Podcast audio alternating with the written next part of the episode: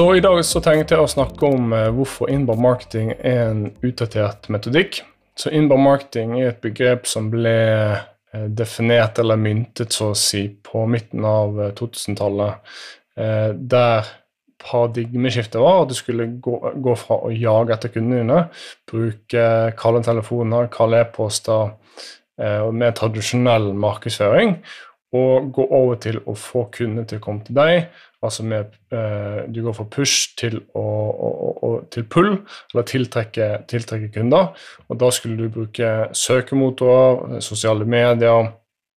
Du skulle dele verdifullt innhold for, for at kunder skulle oppsøke deg når de hadde et behov. Oppskriften var å lage personas, lage altså en salgstrakt med ulike steg, lage e-bøker som kun var tilgjengelig hvis, du, hvis besøkende ga sin kontaktinformasjon eh, fra seg, og for å få tilgang til eh, den informasjonen, slik at man da kunne generere eh, leads.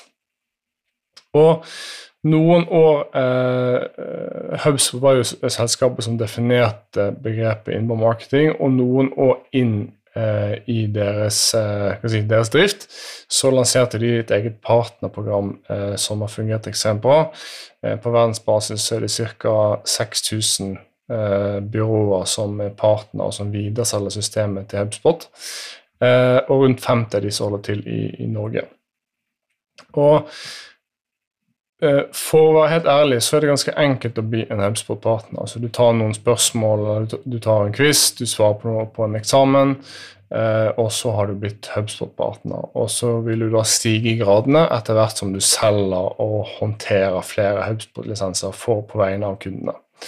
Um, og En del av problematikken som jeg skal diskutere i dag, er jo litt, ta litt utgangspunkt i at mange av disse 6000 byråene som er partner med HubSpot, og som videreselger inbound marketing, eh, de har jo tatt, og det er jo eh, Nettle inkludert, tatt det samme budskapet og måten å markedsføre på, eh, der mange selger inn inbound marketing som en tjeneste som, har, som ikke skal vi si, til en urealistisk investering at, at byråene selger tjenester for, for, lav pris, slik at kunden ikke får de resultatene som de, som de ønsker, fordi at investeringen ikke samsvarer helt med, med, med, forventningene og resultatene man vil oppnå, eh, og man, man, får ikke levert nok tjenester og nok verdi til kunden til at man skal faktisk få de resultatene.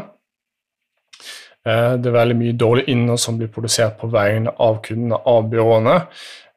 og etter min mening så er veldig mange av kanalene og taktikkene eh, som har vært typiske sånn inbound marketing-kanaler og taktikker, de er ikke like effektive i dag som de var for fem-ti eh, år siden.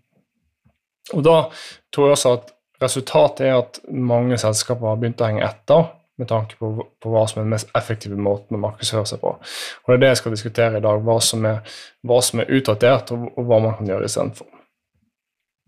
Så det første er det å lage personas. Det, dette er en av de første tingene du vil lære hvis du leser det, eh, leser det opp på inbound marketing. Så uh, personas er en typisk sånn leveranse du får eh, hvis du jobber med et byrå. Eh, og et typisk scenario er at byrået eller at du har lastet ned en mal.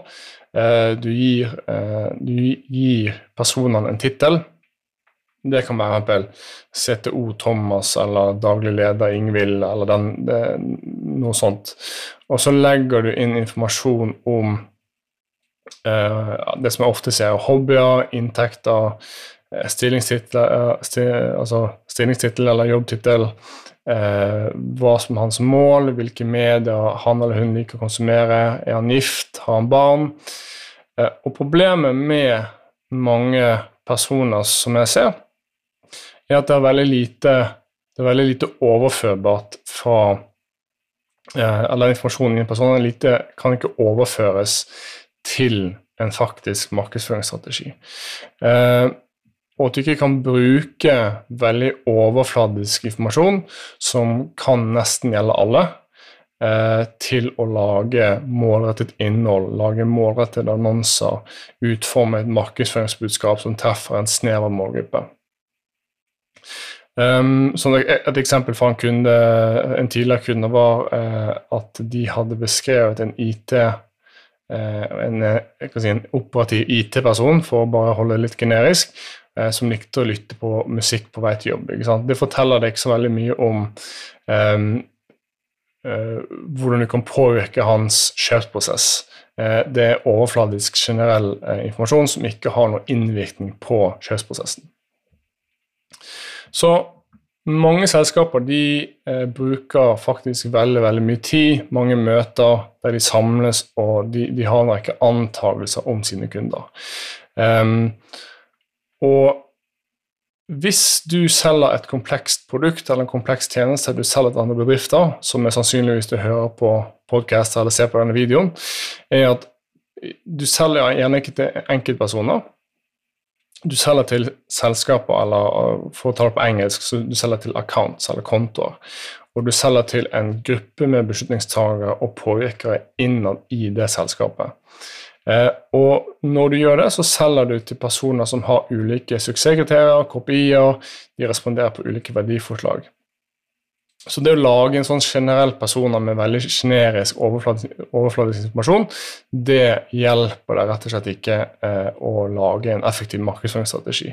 Um, så du må påvirke hele kjøpskomiteen, og du må forstå hvilken informasjon hver av de si, deltakerne i den kjøpskomiteen trenger for å være um, For at de har nok informasjon til å kjøpe deg hva, hvilke, hvilke, informasjon mangler de, hva slags uh, artikler, produktinformasjon, uh, webinarer, videoer trenger de for å gå fra å ikke være helt sikker på at de skal være greie, til at de, at de er sikre på at de skal være greie.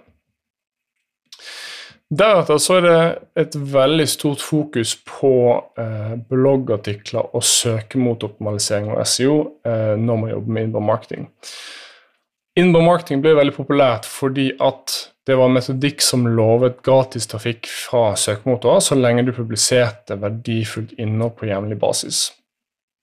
Og en av de store misoppfatningene folk flest har om inbound marketing i dag, er at det primært handler om å få besøk og leads fra organiske søk, eller fra Google primært. da. Eh, og det var sant at kanskje for ti år siden eller til og med fem år siden, da inbound marketing ikke var så utbredt i Norge, at um, før så var eh, organisk søk en kanal som var mindre mettet. Eh, du kunne publisere en artikkel på 600 ord og, og, få den til å rangere høyt, og du kunne få trafikk og, og innkommende leads ganske kjapt. Men det er ikke akkurat det samme tilfellet i dag. Um, når det gjelder SEO, eller søkemotoroptimalisering, så er det heller ikke gratis. Tiden og ressursene det tar å lage godt innhold, det er ganske omfattende. Og det som jeg har observert, er at eh, når alle selskaper som jobber med marketing, fokuserer på eh, SEO, så ender det opp med at bransjen har veldig mye av det samme innholdet. Det blir veldig likt, veldig generisk. Det skiller ikke seg ut fra mengden overhodet. Og hvis du velger et byrå som eh, setter sammen en liste med søkeord eh, som, du, som, du, vil for, eh, så, også, så, må du også innse at alle dine konkurrenter har tilgang til den samme informasjonen. Um, og hvis du igjen selger eh, et komplekst BTB-produkt eller tjeneste, og det er svært lite søkevolum for de søkeordene du ønsker å rangere etter, hva gjør du da? Da er kanskje ikke en søkemotor det beste stedet å fokusere på.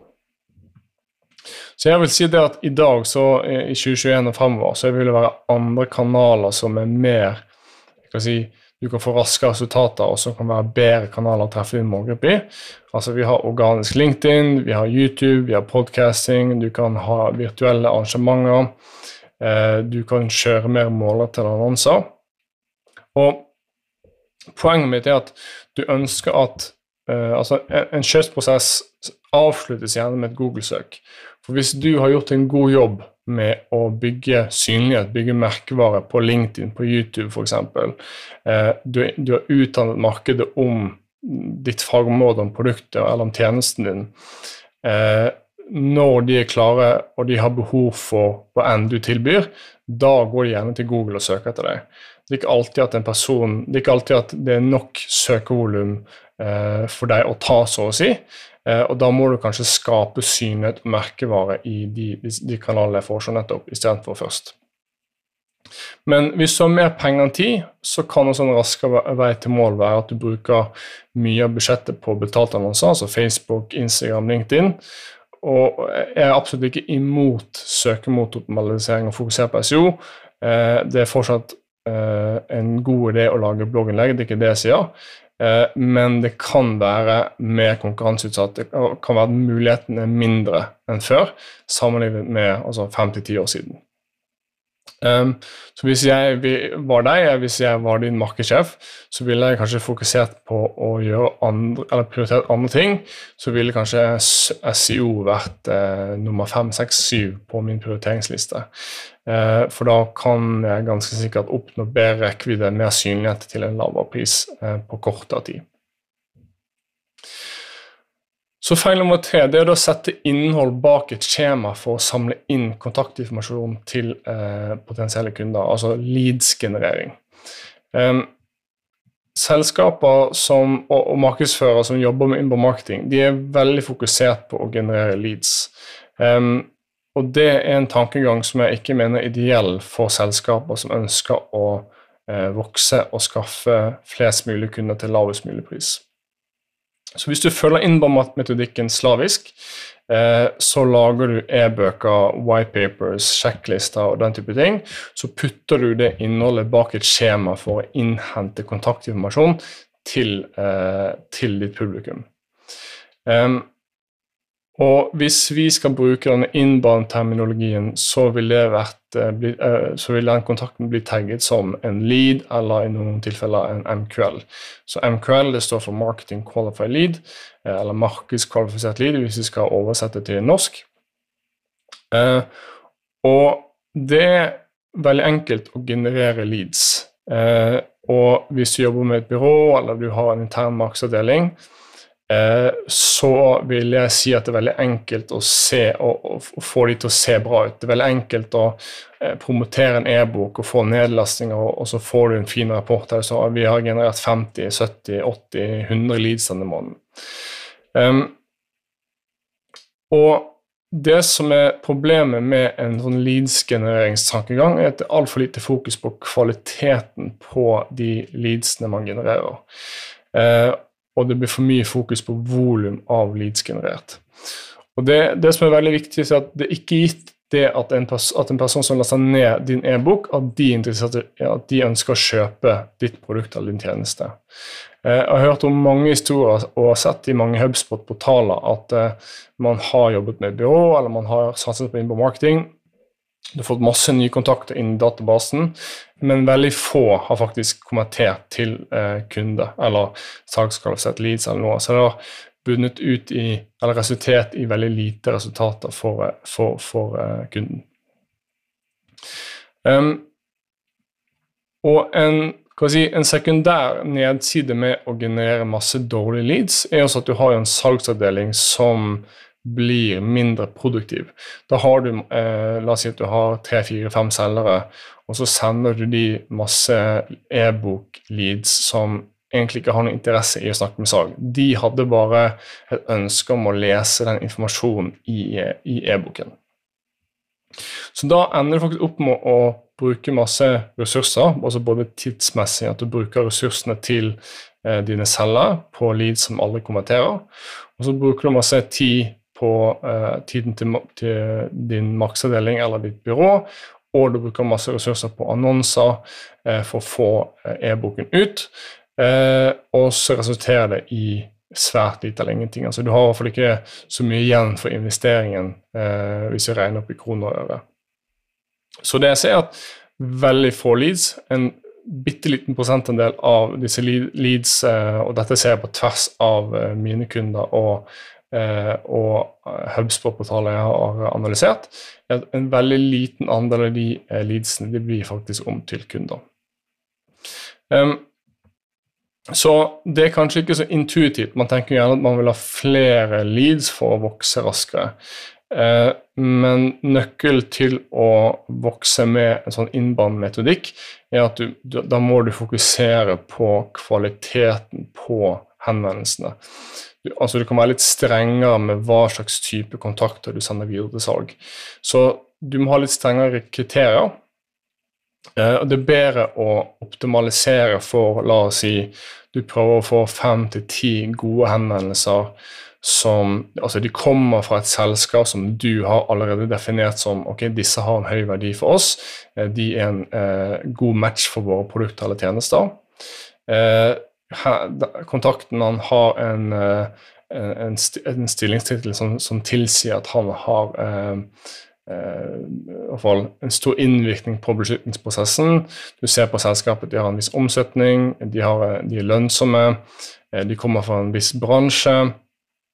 Så jeg vil ikke vektlagt og fokusert på å generere så mye leads og, og samle inn e-postadresser, men at jeg hadde en, eh, en primær handling som jeg ønsker at potensielle kunder skal utføre. Så la oss si at det er en demo, eh, altså be om en demo, be om pris, eh, avtale møte, kontakt oss. At du har en, en primær, eh, primær handling på nettsiden din. Og så har du litt strengere kriterier for hva slags type leads som du sender videre til salg. Eh, du har ikke lyst til å sende eh, masse dårlige leads til salgsavdelingen bare for at de skal eh, holde seg aktive. Så bare for å ta det regnestykket, altså, la oss si eh, hvis du skal vokse, og så har du, du har planer om å ansette ti selgere, eh, og så synes jeg at et bedre alternativ er å ha tre selgere som får færre, men bedre leads. Um, så hvis du, hvis du har hatt et møte med et byrå, så vil de ofte presentere et, uh, et regnestykke som sier at ok, hvis vi øker trafikken din til 5000 besøkende i måneden f.eks., og så kan vi konvertere 1,5 av de til leads, eh, eller, og da får vi da 75 det vi kaller for MQL. Og så blir 15 av de eh, SQL, eller Sales Qualified Leads, salgskvalifiserte leads. Eh, fem av de eh, ender opp som reelle muligheter i pipeline. Altså at vi har kvalifisert de, eh, det er en god match for produktet vårt. Vi har laget en avtale i CRM-systemet, og så konverterer to av de til kunder. hvis du får presentert et sånt regnestykke, så ville jeg vært veldig skeptisk. fordi at veldig sjelden så vil de beregningene faktisk stemme. Og grunnen til det er at den konverteringen fra MQL eller Lead til eh, SQL den er ofte mye lavere i realiteten enn det mange byråer vil, vil presentere. Så hva mener jeg at man skal gjøre istedenfor eh, disse tre tingene som jeg har nevnt nå? Um, og dette er jo veldig spesifikke råd for uh, de som driver innenfor BTB, som, selger, som har en salgsavdeling, Eh, man har et produkt av en høy eh, gjennomsnittlig kontraktsverdi, der man har flere beslutningstagere involvert i prosessen. Altså dette er ikke råd for selskaper med produkter og tjenester som har en veldig lav gjennomsnittsverdi. Så jeg tror det første selskaper skal gjøre, er at de må slutte å sette antall leads som et mål, som et, eh, som et KPI. Så jeg vil si at det er et veldig dårlig mål å gå etter. Um, selskaper må skjønne at noen kampanjer, eller mange av kampanjene man kjører, det kommer ikke til å lede direkte til at man får en henvendelse eller et salg. Eh, mange av kampanjene dine må være strukturert på en måte slik at det bygger merkevare og synlighet, og utdanner markedet om, om produktet og tjenesten deres. At dere publiserer relevant innhold som er verdifullt for eh, målgruppen deres. Eh, og jeg, jeg ville anbefalt at man ikke krever å eh, at besøkende må gi fra seg sin kontaktinformasjon for å få tilgang til den informasjonen. De fleste som er i din målgruppe, det er ikke en aktiv kjøpsprosess. Så fokuset ditt, mener jeg, er at du må ha en innholdsstrategi som gjør at du kan holde selskapet og produktet ditt top of mind over lang tid. Um, så det betyr at mange av kampanjene trenger bare å fokusere på å få målgruppen din til å konsumere innholdet du produserer som du legger ut, eh, over lengre tid. Eh, og det kan f.eks. være at du er aktiv på LinkedIn og publiserer eh, relevant innhold der. Det kan være at du har eh, Facebook-kampanjer, eh, altså annonser, LinkedIn-annonser gående. Det kan være en YouTube-kanal, det kan være en podkast. Og ikke tvihold på den tanken om at du må samle inn en e-postadresse for at du skal til slutt si, pleie eller bearbeide en lead til en bli kunde. Uh, tingen er at kjøpere, folk, folk, flest de er smarte nok til å forstå at uh, hvis jeg skal kjøpe noe av et selskap, så kan jeg bare google det selskapet, og så trykker jeg på 'kjøp nå' eller 'få en demo', eller hva det skal være. Så ikke, ikke tvihold på at du må liksom, uh, få en person gjennom en takt. Bare sørg for at hva enn hvilken kanal de er aktive i, altså målgruppen din er aktiv i, at du bare er foran de med relevant informasjon over lengre tid, eh, og at du da imøtekommer deres si, tidslinje og deres behov. Så når de er klare til å kjøpe, da kan de ta kontakt med deg. Så det neste jeg har gjort, er å flytte fokuset fra å lage personas til å jobbe med eh, si, på norsk målkontoer eller eh, target accounts.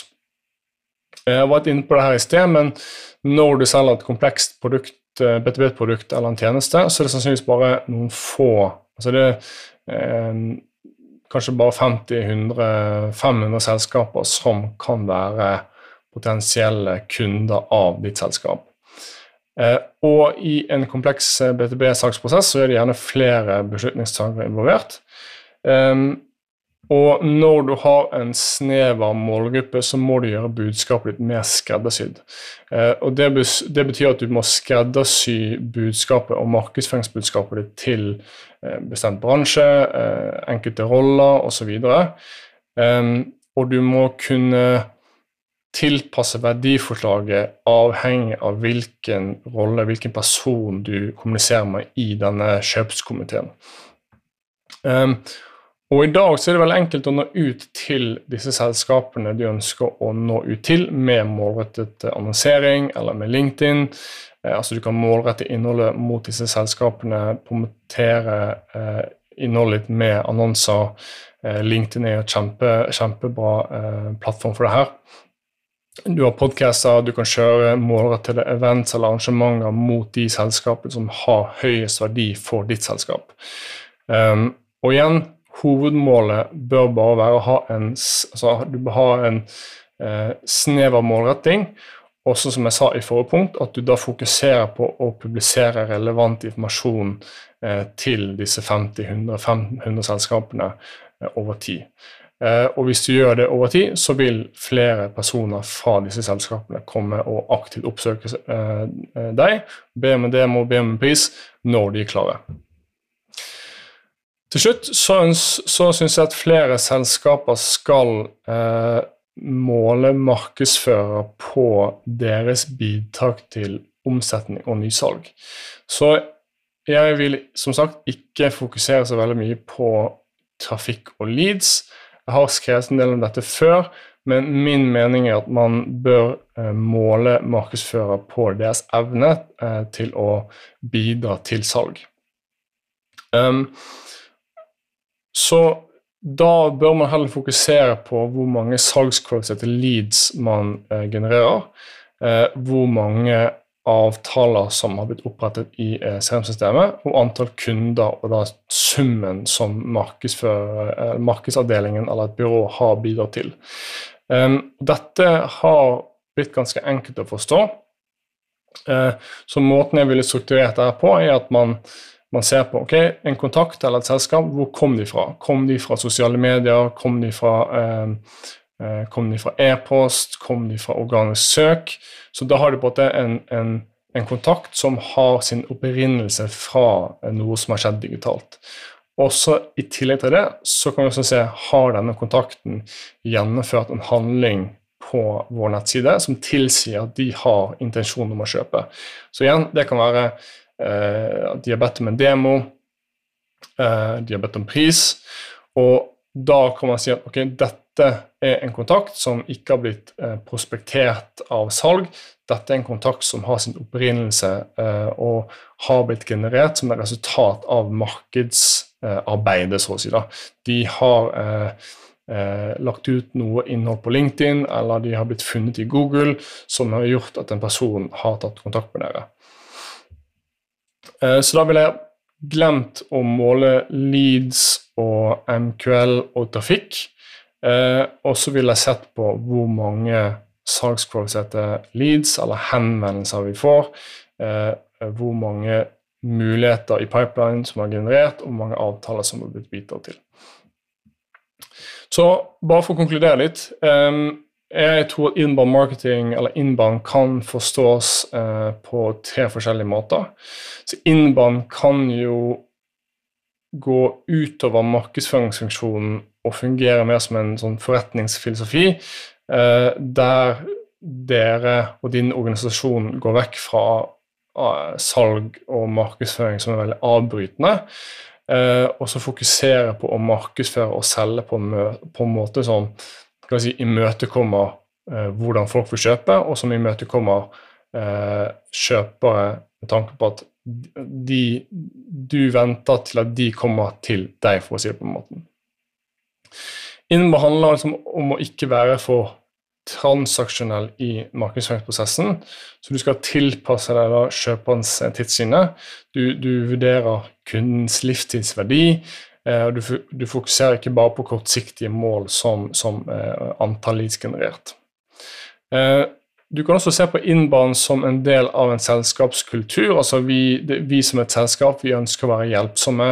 Vi ønsker å dele ut dele lærerikt innhold eh, med markedet vårt, sånn at vi blir da en sånn Vi blir sett på som eksperter i vårt fagfelt, og vi verdsetter å dele kompetansen vår fritt.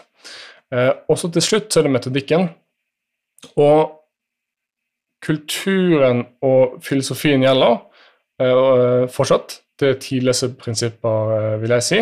Men jeg syns metodikken den har blitt ganske utdatert. Eh, Sammenlignet med fem til ti år siden så, så, så, må vi gjøre ting litt annerledes. Eh, så jeg vil si at eh, mitt tips deg, ikke gjør som alle andre. Ikke bare følg eh, den innbanemetodikken eller Hubspot-metodikken slavisk. Eh, fordi at det som er beste praksis, eh, det som er etablert beste praksis, det er gjerne det som ikke er så effektivt lenger. Så jeg håper det var en hjelpsom, hjelpsom, episode, og at det hjelper deg å utforme en mer effektiv markedsstrategi. Så takk for at du så på eller lyttet på, og så ses vi neste uke.